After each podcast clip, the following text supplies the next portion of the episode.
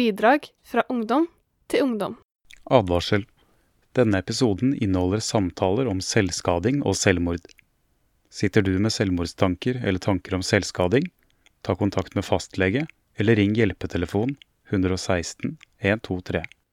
Mitt navn er Marte Lillås Dyrmo, og du lytter til podkasten Unge jobb. Dette er en podkast hvor unge mennesker forteller sine historier for å bidra med støtte til andre ungdom i en lignende situasjon. Erfaringene som deles, kan også være nyttig for deg som er forelder, lærer eller veileder, eller er i relasjon til et ungt menneske som trenger å bli forstått.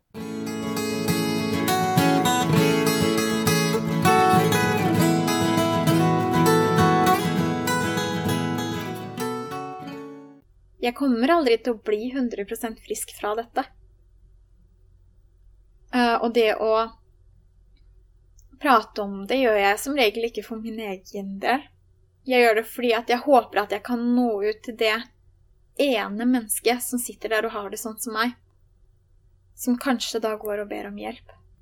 Som jeg skulle ønske at jeg hadde gjort så mye tidligere enn det jeg gjorde.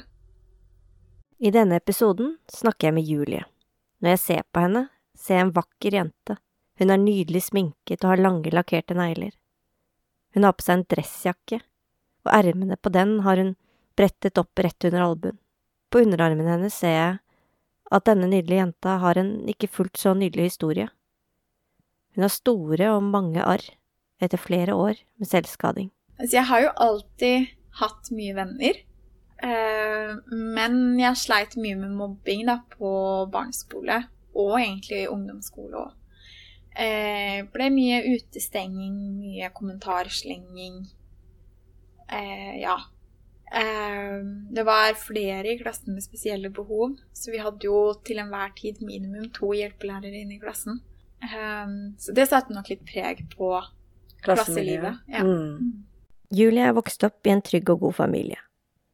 Men selv om hjemmet var godt og trygt, og alt lå til rette for at Julie skulle få et godt liv, opplevde Julie tidlig utfordringer med sin psykiske helse. I tillegg slet Julie med mobbing og utestenging. Julies psykiske helse forverret seg gradvis gjennom barneskoleårene, og på ungdomsskolen var Julie blitt så syk at hun ble innlagt for første gang. I slutten av 9. klasse så ble jeg for første gang lagt inn akutt Mm. eh, på barnepsykiatrisk. Husker jeg. Eh, Hva ble du lagt inn for da? eh, de Hoppsi, jeg var jo på utredning for eh, psykose eller schizofreni. Eh, og det kom til et punkt hvor behandling på poliklinikk ikke funket. Akutt psykose er en forstyrrelse i virkelighetsoppfatning. De fleste pasienter med psykose mangler sykdomsinnsikt og vil derfor ofte motsette seg innleggelse på psykiatrisk sykehus eller annen behandling, fordi de ikke innser nødvendighet av behandling. Tilstanden domineres ofte av uro, forvirring, hallusinasjoner og vrangforestillinger, og det er ofte innslag av angst, agitasjon og aggressivitet. Psykosen er gjerne åpenbar når symptomene er uttalte, men ofte er det nødvendig å stole på pårørendes beskrivelser av tidligere psykotiske hendelser og endringer i pasientens vanlige væremåte. Julie beskriver et møte på legekontoret med sine pårørende. Hun virkelig fossgråt, for hun visste ikke hva hun skulle gjøre. Moren din? Mm. Mm. Hun hadde ikke noe eh, Selv om hun var hjemme med meg hver dag, så skada jeg meg enten selv, eller så var jeg på nippen til å ta livet mitt, eller så nektet jeg å spise den dagen. Nektet og nektet. Det blir feil å si nektet òg, fordi jeg hadde jo stemmer som fortalte at jeg ikke fikk lov til å Mm. spise. Ehm, så da endte det med at jeg ble lagt inn på Åsia i Drammen, husker jeg. Og var der i to uker, tror jeg. Um, ja, jeg var jo da i niende klasse. Og så ble jeg sykemeldt resten av ungdomsskolen. etter. Jeg er veldig nysgjerrig på disse stemmene i hodet som Julie snakker om, og jeg spør henne hvordan hun merket at disse stemmene kom, og hvordan det oppleves inni hodet hennes når hun hører disse stemmene.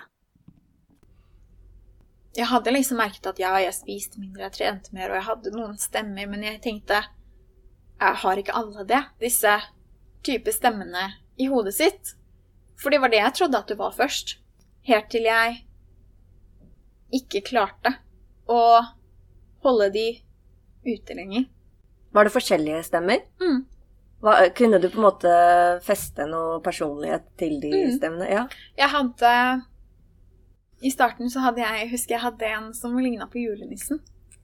Sånn, litt sånn eh, litt tjukk og langt, hvitt skjegg.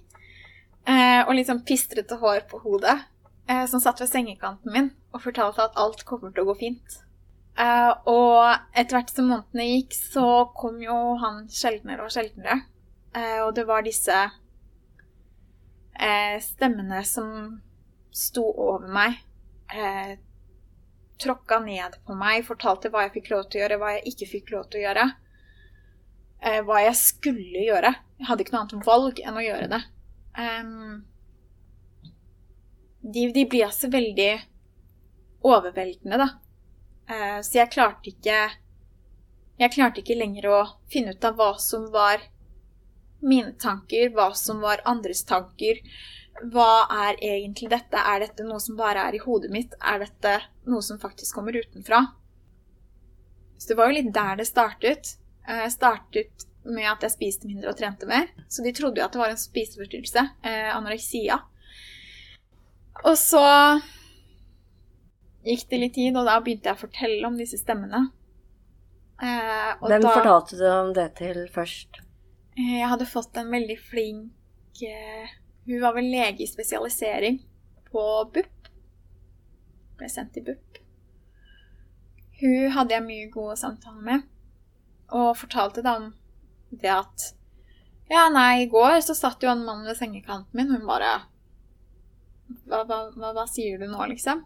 Ja, nei, det satt en mann der og snakka til meg og fortalte at alt kommer til å gå fint. Um, og det som er så fint med BUP, det er at både eh, barnet og foreldrene blir involvert. Så foreldrene mine hadde jo en egen psykolog som de prata med. Eh, og de, hun legen som jeg prater med, og psykologen, de samkjørte, da.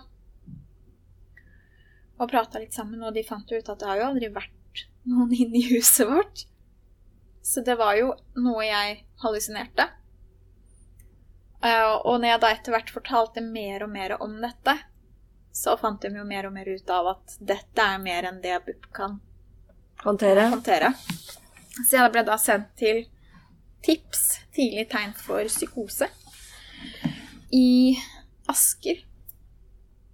Eh, og var der i et års tid. Og det var også de som sendte meg til denne akuttplassen da, i, Ask nei, i Drammen. Eh, for da var det jo blitt såpass alvorlig at jeg kunne jo drive med selvskading tre-fire ganger om dagen. Mm. Uh, Men Skjønte du selv at når andre sa til deg at det satt ikke noen mann der, Julie Skjønte du selv da at det var inni hodet ditt? nei. Nei. Nei, altså, jeg husker enda i dag Jeg, kan, jeg ser for meg denne mannen som sitter der ennå. Jeg kan, altså, jeg kan huske hvordan stemmen hans høres ut. Um, for meg så var det helt reelt. Eh, men helt klart ikke for andre. Videre spør jeg Julie om hvordan hennes psykiske utfordringer har påvirket hennes fysiske helse. akkurat når det var på den mørkeste perioden, så husker jeg ingenting. Eh, da fortalte har jeg fått blitt fortalt i ettertid av mamma og pappa at jeg satt i sofaen, eh, og liksom blikket mitt flakka rundt, og jeg satt og prata med folk som tydeligvis da ikke var der. Eh, ellers så satt jeg og bare stirra løst ut i lufta, og det var vanskelig å få kontakt med meg. Men jeg har jo merket i ettertid at jeg, altså, jeg har jo fått nå kronisk spenningshodepine. Og det har nok mye med at jeg har vært ekstremt mye redd til tider. Eh, så det sliter jeg jo med, og jeg fikk jo migrene i tidlig alder. Eh, det er nok arvet fra min mor. Eh, og så har jeg liksom Jeg har jo fått nå fibromyalgi. I, ble jeg vel diagnosert med for to år siden. Uh, uten at man helt vet hva det kommer av. Uh, men jeg har jo også nå fått, fått endometriose-diagnosen. og i tillegg så har jeg vært til utredning for epilepsi, som de da har funnet ut av at ikke er epilepsi, men som er psykogene ikke-epileptiske anfall. Hva er det for noe? Eh, det ser jo helt ut som epilepsi, eh, for de som ikke er trent opp til å se forskjellen mellom det. Um, så det er jo Jeg får anfall hvor jeg enten jeg kan, Enten så kan jeg bare bli sittende og stirre helt løst ut, ut i lufta, og så får man ikke kontakt med meg, og så plutselig så snapper jeg ut, og så bare Skjedde noe? Det kan være et anfall. Eller så har jeg de litt mer ekstreme anfallene hvor jeg begynner å krampe. Og Eh, spasmer, rett og slett? Mm. Mm. Jeg detter sammen og ligger og rister eh, fordi at musklene står i helspenn. Um, så det er jo Holdt på å si Før så ville man jo sagt at dette er epilepsi. Men fordi jeg ikke slår ut på EEG, som det så fint heter, så er det ikke epilepsi, men psykogene anfall. da. Mm. Også med tanke på at jeg sliter såpass mye psy- psykisk som det jeg gjør. Mm. Så det har jo holdt på å si slått ut ganske bredt. Eh, også med tanke på at når jeg har kommet på legevakta for å sy eh, etter selvskading, så antar dem når jeg kommer etter et anfall og kanskje har slått på meg en hjernerystelse, at de antar at det er en selvskading. De antar at jeg har selvskada. De antar at jeg har smelt huet så hardt i en benk at jeg har fått hjernerystelse. Mm. Eh, jeg, og det er jo også veldig synd, da, uh, Mm. syns jeg. At man ikke skal bli trodd bare fordi man har en psykisk lidelse eh, liggende under. For det er jo så mye mer med en menneskekropp enn det man vet. Ja. Får du slappet av noen gang? Nei. Ikke nå for tida. Eh, det er det mange år siden jeg har gjort. Mm. Eh, Søvn? svært dårlig med søvn. Jeg har jo Nå har jeg prøvd stort sett alt av medisiner som ikke er avhengighetsskapende for søvn. Eh, uten å egentlig ha funnet noe som passer, eh, som hjelper meg med å sove. Eh, så Men går du på, også- får du noen medisiner for psykose eller depresjon? eh, jeg går på antidepressiva nå. Ja. Eh, har akkurat sluttet med antipsykotika. Eh, Har det fungert for deg? nei. Ingen av de? Eh, antidepressivaen funker til en viss grad. Jeg har ikke de dypeste dalene lenger. Um, selv om de jeg har, er dype nok. Uh, antipsykotika har aldri egentlig fungert noe særlig på meg. Um, Har du fortsatt stemmer i dag? mm, Ja. hele tida. Men nå er du klar over at det er stemmer? Ikke bestandig. Ikke alltid. Nei. Ikke når jeg er i holdt på å si de dypeste dalene, for da blir det mye mer fremtredende. Eh, og da er jeg 100 overbevist om at dette er ikke i mitt hode. Og for meg så er det jo ikke det. Det er ikke i mitt hode. Eh, og jeg kan også ha gode dager hvor stemmene er såpass intense at jeg ikke skjønner at det er Holdt på å si de stemmene jeg har til enhver tid, som er der. Eh, Jeg sitter jo stadig vekk og prater litt til meg sjøl. Og de preger jo ganske mye av livet mitt. Ja, for hvordan har det vært å kunne jobbe med skolearbeid, fullføre skole og sånne ting, når man har alle disse tingene som ødelegger for deg, rett og slett? Ja, for meg så har det vært umulig. Mm. Eh, Det er jo derfor jeg ikke har fullført videregående heller. Jeg starta jo på deltidsstudiet på videregående. Eh, Og så gikk det til at jeg bare eh, hospiserte Mm. i klassene. Til at jeg måtte slutte fullstendig fordi jeg følte at folk hadde forventninger til meg uansett. Og jeg fikk jo aldri med meg noen ting av det som skjedde på skolen, så jeg så ikke helt grunn til at jeg skulle sitte der. Hva med dine egne forventninger til deg selv? De er ofte altfor store. Jeg har ennå ikke lært. Nei. Nei. Men du begynte på videregående, gikk et halvt år på videregående. Jeg gikk faktisk nesten tre. Nesten tre år. Mm. Fullførte du noe, noen av de årene? Eh, Jeg fullførte én eksamen. Ja. Den måtte jeg ta på nytt fordi jeg hadde en ordentlig dårlig dag når vi skulle ha eksamen. Så jeg fikk jo skrevet en halv side. Eh, Det er jo helt latterlig når jeg tenker på det tilbake nå. Jeg fikk skrevet en halv side uh, med stoff som jeg nå kunne skrevet fire-fem sider på. Og det er ikke noe med at jeg har lært noe mer om det. Det er bare med at nå har jeg en bedre dag enn det jeg hadde. Da. Um, og jeg har jo aldri vært spesielt skoleflink. Både pga. dysleksi og pga. psykiske og fysiske utfordringer. Men jeg hadde en, hadde en forventning om at jeg i hvert fall skulle klare å stå. Jeg sa til pappa at bare for en toer så er jeg fornøyd. Jeg skal bare klare meg gjennom denne eksamen. Og så gjorde jeg ikke det. Og så var det så vondt akkurat den dagen. Helt til jeg innså at ja, jeg får jo ta den igjen. Så var jeg sånn Skal jeg sitte og kjempe meg gjennom en sånn eksamen til? Det eh, gikk jo ganske langt ned i kjelleren. Eh, det husker jeg. Men på den annen side eh, så hadde jeg fått Jeg åpnet jo dette karakterkortet først. Og så hadde jeg fått et annet brev i posten. Eh, for da hadde jeg søkt meg inn på en langtidsinnleggelse ved Bergfløtt behandlingssenter i Lier. Og der hadde jeg fått Jeg hadde fått plass på Bergfløtt. Det fikk jeg samme dagen som jeg strøk på eksamen. Så det var liksom Det var en dag med både glede og sorg. Jeg var veldig glad for at nå skal jeg endelig få hjelp til å klare å komme meg gjennom dagene. Men på den annen side så var jeg den derre Men du klarte å stryke på eksamen, da. Da satt ikke julenissen der og sa 'dette går bra'? Nei. Nei. Nei, Han er det lenge siden jeg har sett. Mm. Men så ble du lagt inn på Bergfløt? Mm. Eller dagpasient?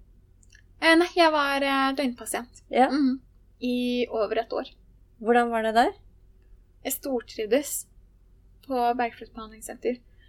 Um, jeg ble jo lagt inn for en holdt på å si, diagnostisk eh, behandling for å prøve å finne ut av hva alt det jeg driver med, er.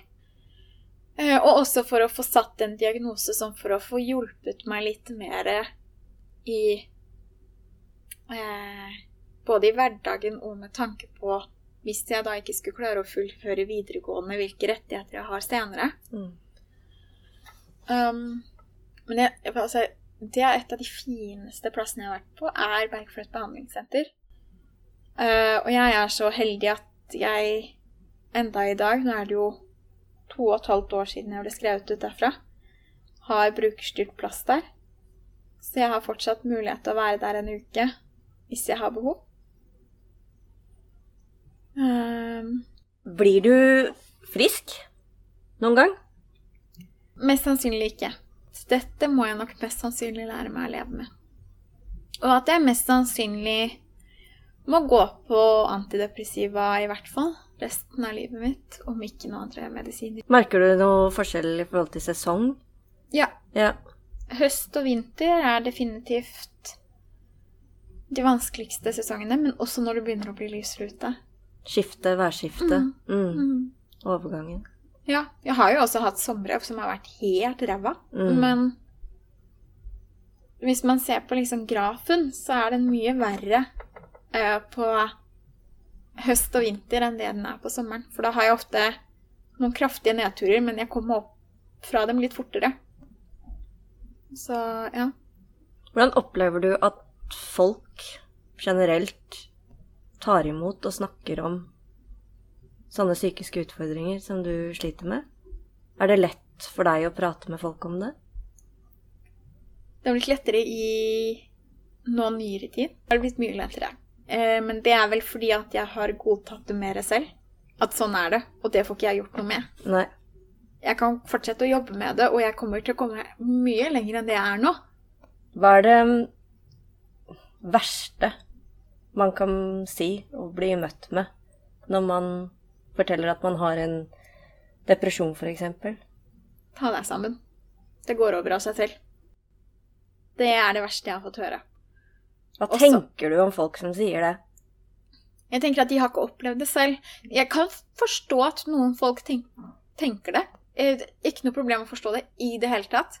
Men hvis du har vært i denne situasjonen selv, eller har vært pårørende til noen som har vært i denne situasjonen, så har du aldri i livet bedt en person ta seg sammen. Mm. Det er ikke så lett.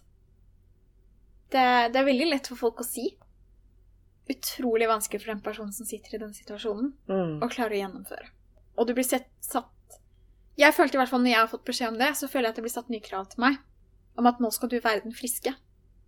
Og jeg er veldig enig i at alt skal ikke handle om sykdom. Jeg har lenge slitt med selvskading, og til tider så har jeg hatt problemer med det fremdeles. Og når jeg da har kommet og møtt personer som jeg kanskje ikke har sett på lenge, og så ser de på deg og så bare Jaså, du driver med det enda, ja? Det kunne du ha sluttet med. Så er det sånn Tror du virkelig jeg har lyst til det? Så først nå siste året har jeg begynt å gå med kortarma genser igjen. Jeg gikk jo gjerne med hettegensere ute på sommeren. Selv om det var 25 grader ute. Jeg fikk jo heteslag flere ganger. Jeg, jeg nekta å ta av meg den genseren. For du ville ikke at det skulle synes at du var syk? Nei, så var jeg redd for kommentarene. Fordi jeg ikke har turt å være åpen om det før nå, da. Når man har drevet med selvskading så mye som Julie har gjort, vil man alltid ha en synlig påminnelse om hvor syk man har vært, og det er også veldig synlig for omverdenen. Julie sa til meg før dette intervjuet at jeg kan spørre om absolutt alt, og jeg ønsker å høre mer om selvskadingen, og forsøke å forstå hva som driver et menneske til å kutte opp sin egen hud. Men du har skada deg mye, Mm. og det er de stemmene som har sagt at du skal gjøre det, eller? Mm. Ja. Aldri vært meg. Men hvordan, hvordan på en måte fungerer hodet ditt når du, når du på en måte sitter her eh, Nå vet jo ikke jeg hva du gjør, om du brenner deg, eller om du kutter deg, eller Men tenker du liksom Ja, dette er riktig. Du tenker ikke på at dette kommer til å gjøre vondt, eller Akkurat der og da så kjenner jeg ikke den smerten. den fysiske smerten, for den psykiske er så overveldende at den fysiske blir borte. Jeg kjenner, Kjen, Har vel aldri kjent ordentlig smerte før fem-ti minutter etterpå. Ja. Mellom fem og ti minutter etterpå. Da kjenner jeg at shit, det gjør vondt, jo. Men akkurat idet det skjer, har, kjenner ingenting. Hvor langt kan det Hvor alvorlig kan den selvskadingen eh, bli? Altså Kan du på en måte ende opp med å ta livet ditt? Jeg har jo forsøkt Ja. å ta livet mitt. Og da var det meningen at du skulle ta livet ditt? Ja, men igjen Mm. ikke mitt valg. Nei? Det var, det var 100% meningen at jeg skulle ta mitt eget liv. Hadde det ikke vært for at noen kom og forstyrra meg, så hadde jeg ligget i en blodpøl. Hvordan skulle du gjøre det? Eh, Jeg hadde faktisk starta alt. Eh, Jeg var innlagt, jeg, faktisk. Første gangen. Eller den ene gangen som jeg prøvde ordentlig. De andre gangene så jeg klarte å si ifra først. Mm. Så jeg har fått hjelp.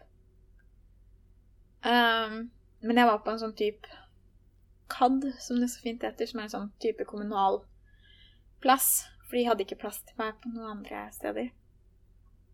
Og så hadde jeg fått inn en sånn derre smørkniv, men med noen tagger på. En vanlig sånn kjøkkenkniv, liksom. Så jeg hadde jeg smurt maten min og sittet og spist. Og så ble stemmene sure på meg fordi at jeg hadde spist. Det skulle jeg ikke gjøre. Jeg skulle ikke spise. Um, så jeg tok med meg da, denne kniven inn på badet. Og satte meg ned på gulvet. Eh, og begynte å lage høl på huden det er jo ikke så forbaska skarp, så det er vanskelig å komme igjennom. Um, Hvor på huden? håndleddet. Og satt der da og prøvde så hardt jeg kunne å få høl på huden, og så fikk jeg til slutt høl på huden, men så bare blør ikke nok, så jeg fortsatte og fortsatte og fortsatte. Og så Akkurat idet jeg begynner å se blodåra i håndleddet som driver der opp eh, Pulserer. pulserer, men allikevel, det var ikke blitt høl på den ennå, så kommer det noen og banker på. Hadde du låst døra? Hun var ikke låst på døra. Nei. Um, og, men det verste akkurat der og da var at de som jobbet på den avdelingen, de ble så sure på meg. Mm. For det var ikke lov å skade seg selv på denne avdelingen. Um, Tror du det sinnet var frykt? jeg vet ikke, jeg ble kasta ut derfra, da. Men ble du sendt et annet sted hvor du fikk hjelp? Ja, da ringte de legevakta. Så kom det en sånn legebil eh, til den CAD-plassen jeg var på. Og så kom det inn en lege og pratet med meg. Og så ble jeg sendt i ambulanse til Blakstad. Mm. Til mottaksposten der. Ble du bandasjert på armen og Mm, mm. det ble jeg. Ble sendt til Blakstad, ja. Og blir Der var jeg i hvert fall to uker. Først fire dager på mottak. Så over en uke på akutt C. Hva er det for noe? Eh, en av disse akuttplass- eller akuttseksjonene til eh, Blakstad. Så jeg er på Blakstad. Eh, det holder til. Hvor det er Der er du helt lukka og låst. Du blir eh, faktisk ransaka før du går inn. De bruker metalldetektor for å passe på at du ikke har med deg noe. Som du kan skade deg med? Mm. De går gjennom alt av bager, alle lommer, alt. Um, så er det jo mange ting du da ikke får lov til å ta med deg inn. Jeg hadde jo den en bag med sånn derre skulderreim på. Den tok de av. Og de tok Jeg hadde med meg deodoranten min, var i glassflaske. Den tok den fra meg. Det var liksom alle de tingene jeg ikke tenkte på at det kunne jeg faktisk skada meg med. Det Mm. ble jo tatt vekk. Fikk du ha besøk? Ikke inne på avdelingen. Da ble jeg fulgt ut av en sykepleier gjennom to låste dører. Eh, Og så ble jeg satt på et sånn eh, På et rom med bare bord og stoler. Og det var det. Det var ett bord og to stoler. Var det som var inne på det rommet. Mm. Og så var det eh, Kommer det Var det hvert tiende minutt eller hvert femte minutt eller noe, så kommer det en sykepleier inn og ser at alt er greit. Og så ble du skrevet ut Ja. fra Blakstad. Mm. Da hadde du vært der i to uker. En uke på Ja, sånn noenlunde. Ja. Mm. Eh, hvordan var du sånn helsemessig da du kom ut? Jeg vil jo ikke si at jeg var i god form. Ehm, det som også var så veldig typisk, da, var at jeg hadde jo kjæreste på denne tiden. Og samme dagen som jeg ble skrevet ut, så slår han opp med meg. Ja. Så da gikk jeg jo veldig mye lenger ned i kjelleren med en gang. Så det var jo på en måte Jeg var jo ikke klar for å bli skrevet ut. Men så har jeg også tenkt litt på den at blir man egentlig klar til å bli skrevet ut? Mm. Vet ikke. Men det som var mest sårende med det bruddet, var ikke det at han faktisk slo opp med meg. Det var det at han sa at 'jeg er for syk til å kunne ha noen kjæreste noen gang'. Det var den som smalt meg midt i trynet. Følte du at han hadde rett, eller følte du at han hadde feil? Litt begge deler. Altså Jeg vet at når jeg går inn i et forhold, så kommer jeg med mye bagasje. Mm. Den, den er Den er jeg veldig klar over. Men på den annen side så er det ikke bare meg som går inn i det forholdet. Det er jo to individer som går inn i dette forholdet. Så det er ikke bare min eh, Holdt på å si min feil heller. Eh, men det at man får beskjed om at man er for syk til å noen gang kunne ha noen kjæreste Da ble jeg, jeg ble faktisk ganske forbanna, husker jeg. Jeg ringte bestevenninna mi og fortalte om det. Jeg bare Hvem er han som kan fortelle meg at jeg ikke kan ha noen kjæreste noen gang? Hvem er han som kan fortelle meg det? Jeg var så forbanna. For jeg var sånn Ok, greit, da takler ikke du det. Men jeg kommer til å finne, forhåpentligvis, en eller annen, en eller annen gang som kommer til å takle det. Det syns jeg er helt fantastisk, at du klarer å bli forbanna for det. Ja, Ja, Og at du klarer å se at det han sier, ikke stemmer, da. ja. Men på den annen side så kjente jeg jo litt på den at jeg skulle jo gjerne eh, endte på en litt sånn god tone, da. For vi Mm. startet jo som venner. Mm. Vi var jo gode venner. Mm. skulle jeg liksom endte på en litt sånn god tone.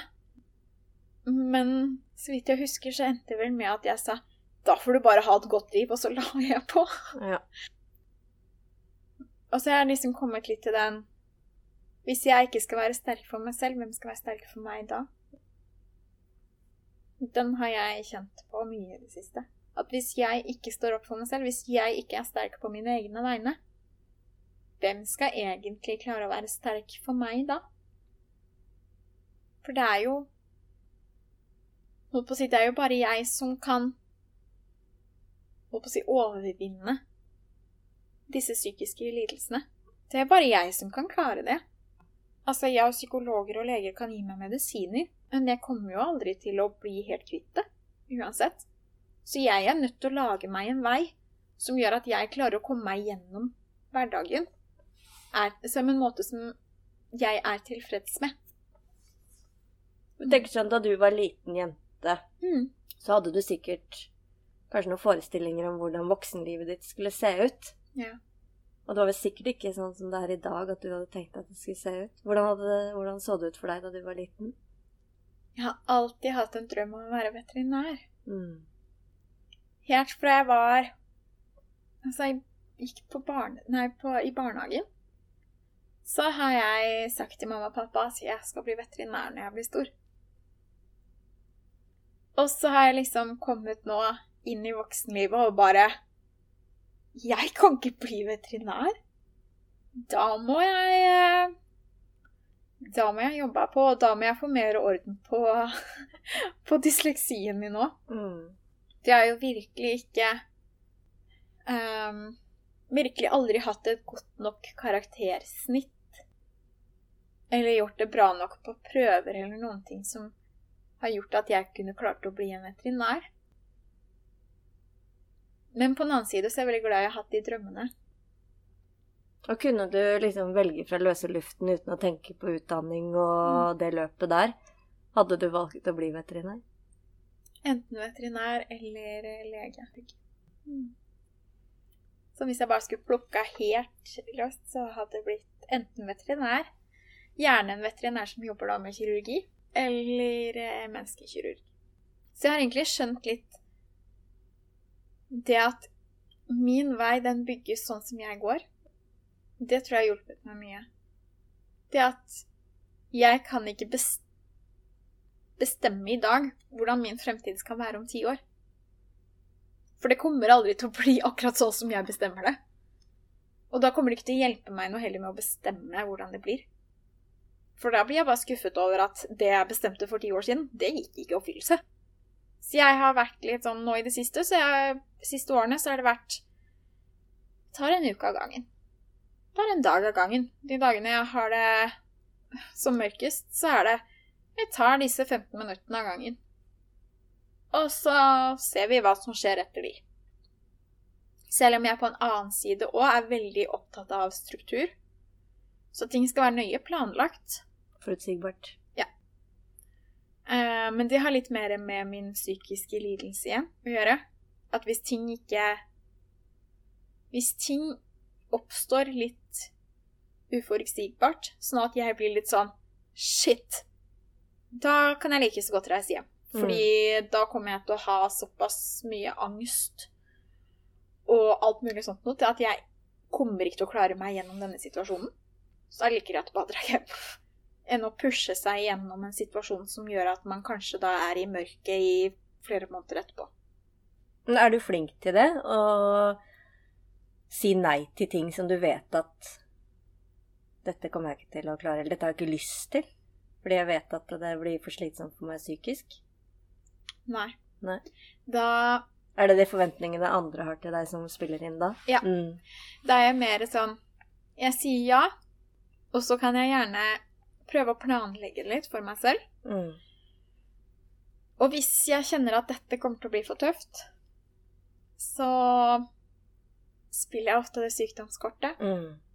om at «Nei, vet du hva, nå har jeg så dårlig dag at jeg klarer ikke gjennomføre det. Eh, selv om det er jo helt feil å gjøre det sånn nå. Men Hvorfor det? jeg føler at det blir feil, å Er det ikke, er det ikke sant? Det er jo sant. Mm. på en måte. Uh, men på en annen måte så skulle jeg ønske at jeg kunne si nei, sånn at folk ikke har disse forventningene til kanskje den dagen vi skal gjennomføre det, da. Men nå er jeg heldigvis omgitt av mennesker som er veldig innforstått med min psykiske og fysiske helse. Som har, som har forståelse for at den ene dagen kan være en veldig ræva dag for meg. Så de blir ikke skuffa lenger om jeg ikke klarer å gjennomføre. Men blir du det? Til tider, eh, hvis det er noe jeg gjerne har veldig stort ønske om å klare å gjennomføre, og jeg ikke klarer å gjennomføre det, så kan jeg bli skuffa og bli litt lei meg. Men det går fort over. Fordi jeg, som regel så kommer det en ny sjanse. Jeg må bare ta den sjansen når den kommer, og prøve igjen. Det er, ja, det er i hvert fall sånn jeg tenker på det. Ja. Mm. Men du har jo kommet litt eh, i gang med utdanning likevel. Ja. Eh, du går jo på kurs Ja. for å bli hundeinstruktør. Stemmer. Eh, og du jobber jo innimellom som frivillig. Ja. Hvordan ser du for deg det å komme ut i jobb? Per nå så har jeg vært litt ehm, i tvil på hvordan det kommer til å gå. Uh, jeg har helt fra jeg begynte å bli syk, så har jeg hatt et stort ønske om å kunne klare å jobbe 100% Nå ser jeg jo at det ønsket og det målet, det er ganske mange, mange år frem i tid, hvis det i det hele tatt kommer til å bli realistisk. Men jeg har jo Altså, det jeg prøver å fokusere litt på, er mine gode sider, da, istedenfor mine dårlige sider. Men det er ikke bestandig så lett å fokusere på det som man er god på, når man føler at det er såpass mye man er dårlig på eller for syk til å gjøre. Det å skulle jobbe, det er på en måte Jeg har, jeg har veldig lyst til å jobbe. Du har lyst til å være frisk nok til å jobbe? Ja. Mm. Eh, og så innser jeg jo også at jeg har såpass mange syke dager i løpet av et år, selv om jeg kanskje bare jobber 25% til at det er ikke sikkert at det er så lett for en arbeidsgiver å ha meg som en eh, Ansatt. ansatt. Hva tenker du er alternativet? Nei, det er det jeg, jeg, jeg Jeg har liksom tenkt litt på det at om jeg kanskje bare må innfinne meg med at jeg må jobbe frivillig i noen år, Mm. til jeg klarer å få litt mer holdt på å si stell på min egen både fysiske og psykiske helse. Men jeg har jo veldig lyst òg, da, Mm. til å klare å komme meg ut i arbeid. Mm. Hvordan er det når du snakker med jevnaldrende? Sånn du, hvis du treffer f.eks. en som du har gått på videregående med eller ungdomsskolen med, og de spør ja, hei, du, det er jo lenge siden jeg har sett. Hvordan oppleves det for deg? Hva driver du med om dagen? Ja, den syns jeg er litt utfordrende. Jeg fikk jo faktisk det spørsmålet i år. Faktisk. Av en, eh, en jeg har kjent lenge, og som jeg møter egentlig stort sett hver uke. Uh, men som vi ikke Vi har liksom ikke sittet og prata så mye sammen i det siste. Så det var egentlig jeg som innleda til den samtalen, helt til jeg skjønte at å, oh, den her kommer til å komme tilbake igjen på meg. Mm. Så jeg var litt sånn eh, Spurte først han, da.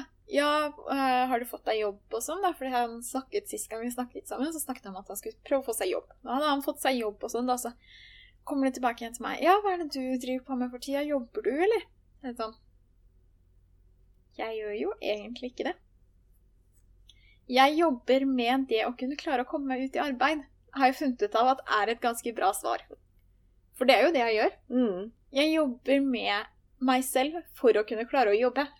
Så det er vel egentlig det beste svaret jeg har nå for tida. Men det har jo har jo vært litt opp og ned hva jeg har svart. Men har det hendt at du har unngått sånne sosiale ting fordi at det spørsmålet vet du at kommer, og det er du ikke så interessert i å svare på? Ja. Ja. hender jo at jeg møter personer som jeg ikke har sett på vanvittig lenge. Helt sånn fra barneskole og sånn. Eh, og jeg føler liksom at selv om jeg har kommet ekstremt langt med min psykiske helse, så har liksom alle andre kommet så veldig mye lenger enn meg. Mm.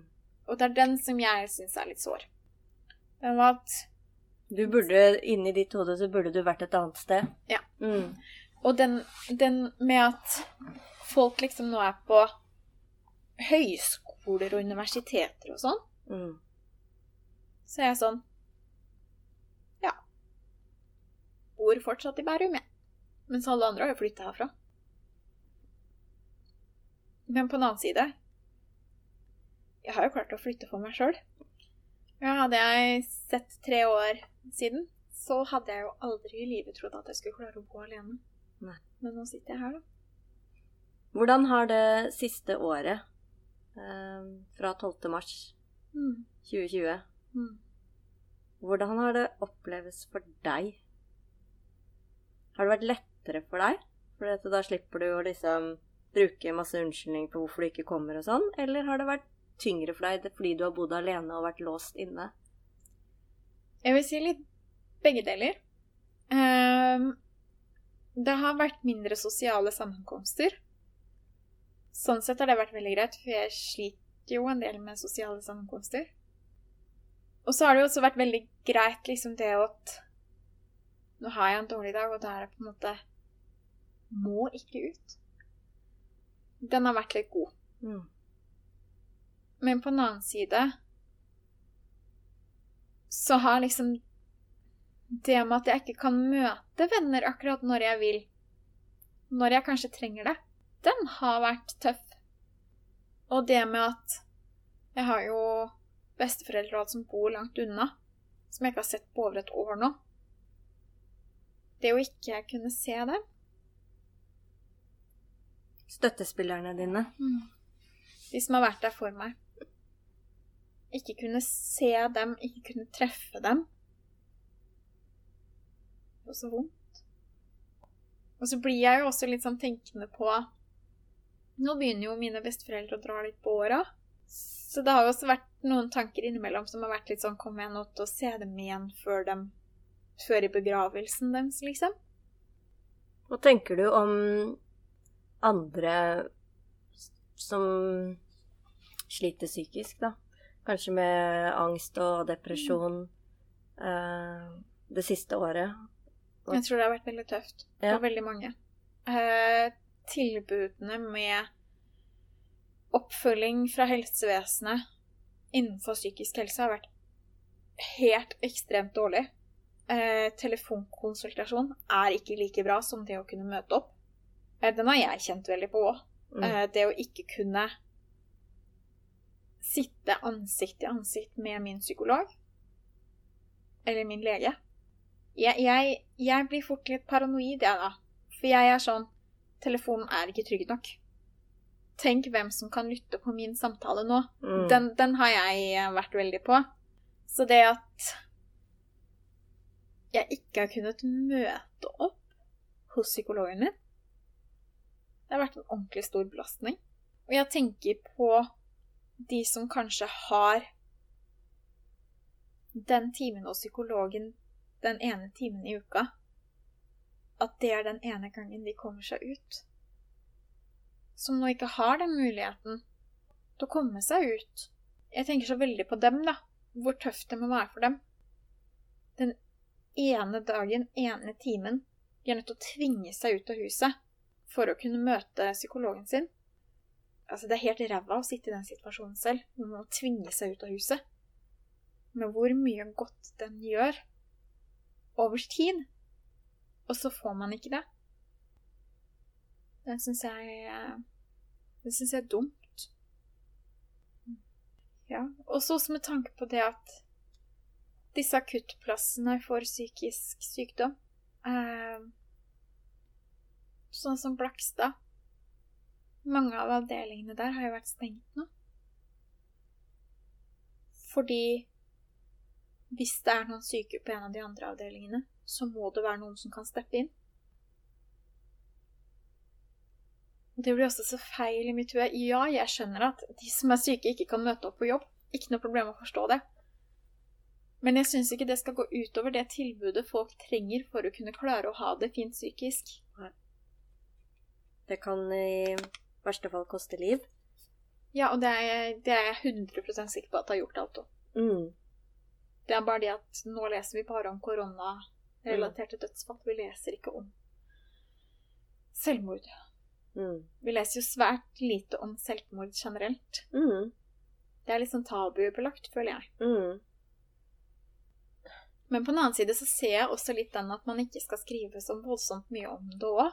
Fordi at man har sett i tider at når man skriver om selvmord, så blir det en sånn selvmordstrend. Men tenker du at uh, selvmord er en uh, god beskrivelse når man dør av psykisk sykdom? At dette er et selvdrap, på en måte? Nei. Nei, altså jeg er bare holdt på å si blitt vant til at det er det man sier. Det blir jo helt feil å si at du dreper deg selv. På en måte, ja, du gjør det. Men på en annen måte, du gjør det ikke for din egen del. Så vidt jeg har altså Sånn som jeg har erfart det selv, Mm. du gjør det ikke for din egen del. Du gjør det fordi at enten så vil du unnslippe noe du sliter noe voldsomt med, eller så er du 100% sikker på at omverdenen vil ha et veldig mye bedre sted uten deg. Ja, eh, og det er vel kanskje ikke det at man ønsker å dø Nei. som er eh, grunnen til at folk tar selvmord, Nei. men det at man ikke orker å leve. Mm. Jeg tror svært få av de som tar selvmord, faktisk har lyst til å dø. Jeg tror veldig ofte at selvmord er en type form for et rop om hjelp. Og at dette ropet ikke har blitt oppfanget tidligere. At det da blir høyere og høyere, og til slutt så har man ikke noe annet valg enn Ja, enn å Man klarer ikke å se noen utvei. Man Nei. klarer ikke å se noe annet. Man klarer ikke å se noen annen måte å løse det på. Er du glad for at du lever nå? Um, 90% av dagene ja. 10% av dagene nei. Men jeg har også disse dagene hvor jeg bare skulle ønske at Nå var jeg borte. Nå Ja. Nå Orker jeg ikke mer. Nå orker jeg ikke mer. Nå Nå Ja, jeg vet ikke hva jeg skal si. Er det veldig kontrastfylt, de 10% av de 90 Mm, mm. Veldig. Og det kan gå fra dag til dag. Jeg hadde en sånn dag i går hvor jeg hadde lyst til å bli borte. Men hvor jeg heldigvis hadde time hos psykologen min i går. Så vi fikk satt litt perspektiv på ting. Har du lært deg noen mekanismer eh, når du er så langt nede at nå orker jeg ikke mer? At du vet at ok, nå er jeg i den prosessen, eh, i det mørket hvor jeg ikke orker mer. Eh, hvis jeg fortsetter nedover, så kan det hende med at eh, jeg dør. Mm. Har du lært deg på en måte å kjenne igjen noen tegn der, hvor du på en måte får snudd sånn at du kommer deg opp igjen? Jeg syns det er veldig vanskelig det å klare å få snudd det. Jeg kjenner igjen eh, tegnene stort sett. Eh, men det å få snudd, det er fantastisk vanskelig. Helt, det, det, er, det er kjempevanskelig. Mm. Og jeg klarer svært sjelden å gjøre det på egen hånd. Mm. Jeg må ha hjelp til å klare å få snudd det. Enten av mine foreldre eller av helse- og støtteapparatet rundt meg. Fordi jeg har Akkurat der og da så klarer ikke jeg å tenke rasjonelt nok til at hvis jeg gjør dette, så blir det en konsekvens. Den konsekvenstenkningen blir borte. Jeg ser ikke de konsekvensene som kanskje kan komme. Klarer du å se at Å ja, ja, nå har jeg en sånn dag, men jeg vet jo at det går opp igjen. Klarer du å tenke det? Nei. Du tenker at nå er jeg her for alltid? Jeg får ofte høre det av faren min, da. Mm. Han sier ofte til meg at Ja, men om en dag eller to så skal du se at nå kommer du deg opp igjen. Det Mm. gjør du alltid. Du kommer deg alltid opp igjen. Mm. Og noen ganger Det er veldig godt å høre det. Andre Mm. ganger så tenker jeg litt sånn derre Kan ikke du bare holde kjeft? Du skjønner ikke hvor dritt jeg har det nå? Nei. Ja. Mm. Eh, og så er jeg veldig glad, da, noen sekunder etterpå, at han, at han faktisk sa det. ja. Og han hadde rett. Han hadde Ja. rett. Igjen. Mm. Så det er eh, Selv om man syns noe er irriterende akkurat når man står i det, så er det ofte veldig godt etterpå. Vi skal eh, jobbe videre, vi. Mm. Med å få deg eh, ut i jobb. Ferdig med, bli ferdig med kurs og utdanning. Mm. eh, Og se framover. Ja. Jeg er utrolig glad for at du valgte å dele din historie med oss, eh, Julie. Jo, Det har takk. vært Det eh, inspirerende meg å høre på deg. Jo, takk. Og jeg tror det er så viktig. Det jeg tror jeg òg. Veldig viktig. Så jeg sier tusen hjertelig takk. Takk. Julies historie er en historie om det tunge og mørke, og en historie om håp og muligheter. Vi som jobber som jobbveileder i Unge Jobb, møter mange unge mennesker med ulike tilretteleggingsbehov. Noen trenger ingen tilrettelegging, bare hjelp med søknad og CV. Andre trenger mye tilrettelegging og lang oppfølging. Det som er viktig for oss å formidle, er at det finnes muligheter for alle.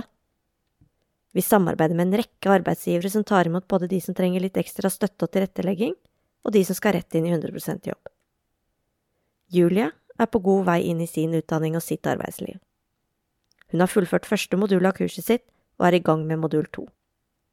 Hun er i arbeidspraksis to ganger i uken, på et sted som hun elsker å være, hos en arbeidsgiver som ser potensialet hennes, hvem Julie er som menneske, og som ønsker at Julie skal lykkes, og er villig til å tilrettelegge for henne på arbeidsplassen.